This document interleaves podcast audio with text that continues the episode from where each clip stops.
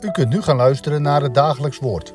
Dit is iedere maandag tot en met vrijdag om 10 uur, 3 uur en s'avonds om 7 uur. Deze meditatie wordt verzorgd door dominee Alblas.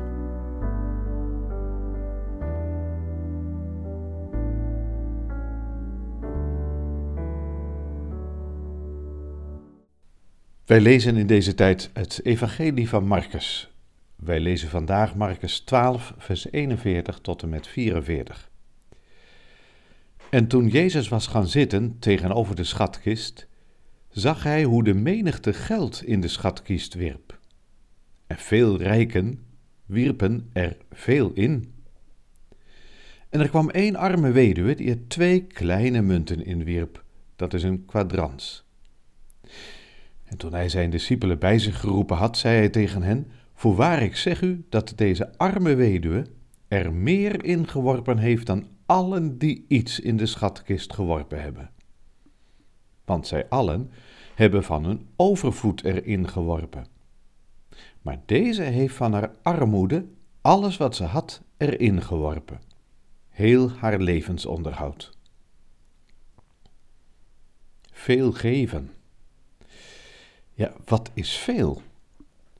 Hebt u veel gegeven voor de slachtoffers van de aardbeving in Turkije en Syrië? Hebt u, een paar weken eerder, veel gegeven voor de actie Kerbalans? Ja, wat is veel? De actiedag, actie 555, heeft bijna 89 miljoen opgebracht voor de slachtoffers van Turkije en Syrië. De actie Kerbalans alleen van onze hervormde gemeente Katwijk ruim 1 miljoen. Eigenlijk is dat meer. Een bedrag gegeven door veel minder mensen. Maar ja, wat is veel?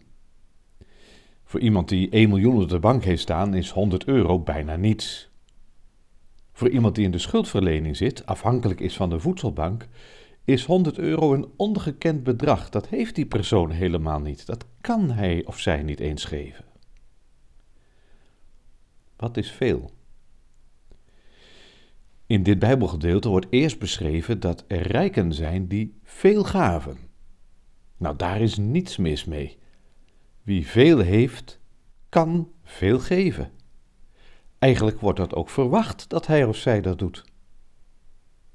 De vraag of u veel gegeven heeft, heeft dan dus te maken met de vraag of u veel heeft.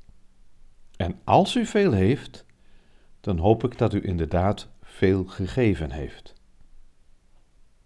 Maar wat we in dit gedeelte leren is iets heel anders. Het gaat niet om veel of weinig uitgedrukt in de waarde van munten, van geld. Het gaat niet over veel of weinig, het gaat over alles. Het gaat niet over geld, maar het gaat over het hart. Een arme weduwe kwam daar langs. Zij werpt daar, nou zou je kunnen zeggen, twee cent in. Want het bedrag wat wordt genoemd is een muntje wat ook niet veel wordt gemaakt, wat ook alweer snel uit de handel is genomen. Een bedrag wat bij het afronden in de winkel niet eens meetelt. Maar voor haar was het heel veel. Nee, voor haar was het alles wat zij had, zo zegt Jezus. En dan komen we bij iets wat ook in het Oude Testament al regelmatig te lezen is. God wil geen offers. God wil geen dure dingen en geen grote bedragen. God wil alles. Is dat niet veel gevraagd? Hebben we dan niet te maken met een veel eisende God? Wel nee. We hebben te maken met een God die van zijn kant alles geeft. Alles wat we gekregen hebben is door Hem gegeven. Nee, maar daar gaat het ook niet eens om. We hebben te maken met een God die echt alles geeft. Die zijn enige zoon gegeven heeft. Uit liefde voor ons mensen.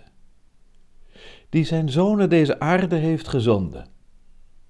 Jezus aan het kruis uit liefde voor ons, voor u en voor jou. Weet u, als het over geven gaat in de Bijbel, dan komen we terecht bij het kruis. God gaf uit liefde zijn zoon. om ons tot kinderen van de Vader te maken, om het eeuwig zalig leven aan ons te geven. Hij gaf zichzelf. Dat is Bijbels geven. En de vraag komt naar ons toe. Niet wat geven wij, maar hoe geven wij? Geven wij onszelf, ons hart, ons leven? Want alleen in die weg van volkomen overgave aan God is er behoud. Gaan de deuren open van het hemels koninkrijk en mogen we Zijn steun en kracht ervaren in het leven van hier en nu. Er is zo'n bekend lied. Ik lees het u. Heer, ik geef me aan u volkomen. Ik leg mijn al hier voor u neer, opdat gij in mij zoudt wonen, met uw geest, o Heer. Al de liefde van mijn harte zij u voortaan toegewijd. Ik vrees geen moeite meer of smarte, daar gij met mij zijt. Heer, mijn God, bestuur mijn wegen. Strijden wil ik slechts voor u. Jezus bloed kocht ook mijn leven. Hem behoor ik nu. Openbaar u zelf aan mij, Heer, als mijn eeuwig trouwe vriend. Tot in stervensuur bewaar mij, voor altijd uw kind. Glorie, glorie, halleluja. Ik leg mijn al aan Jezus voet. En nu is mijn heil volkomen door het dierbare bloed. Laten wij samen bidden.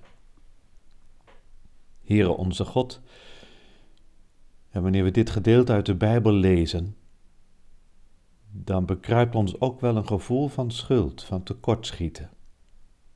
We geven wel, maar geven wij veel? Geven wij van onze overvloed? Een klein beetje? O Heere God, het zet ons wel stil. Stil bij onze manier van bijdragen aan kerk en aan nood in de wereld. Toch zijn we ook dankbaar dat we veel mochten geven, want er zijn velen die dat hebben gedaan. Bidden ook om uw zegen over datgene wat gegeven is. Voor de hulpverlening in Syrië en Turkije, maar ook voor het kerkelijk werk in onze gemeente. Wilt u, Heere God, zegenen wat gegeven is? Wilt u het gebruiken om op te bouwen, daar in Turkije en Syrië, om uw gemeente op te bouwen, ook hier in onze plaats? Heere God, we willen u vooral danken dat u ons die boodschap geeft, dat u alles hebt gegeven, ook aan ons, uw zoon. En Heer God, zet ons stil bij die machtige boodschap van uw liefde, zodat ook wij mogen geven onszelf volkomen aan u. En mogen leven in dat diepe geloof dat we uw kind zijn. Dat we niet meer hoeven te vrezen voor moeite of smarte, omdat u met me bent. O je God, vertroost ons en versterk ons in dat geloof. En leid ons in het leven. Zo bidden we voor elkaar, bidden wij voor deze wereld. Ontfermt u zich, Heere God. En steeds weer vragen wij u Doe uw koninkrijk komen.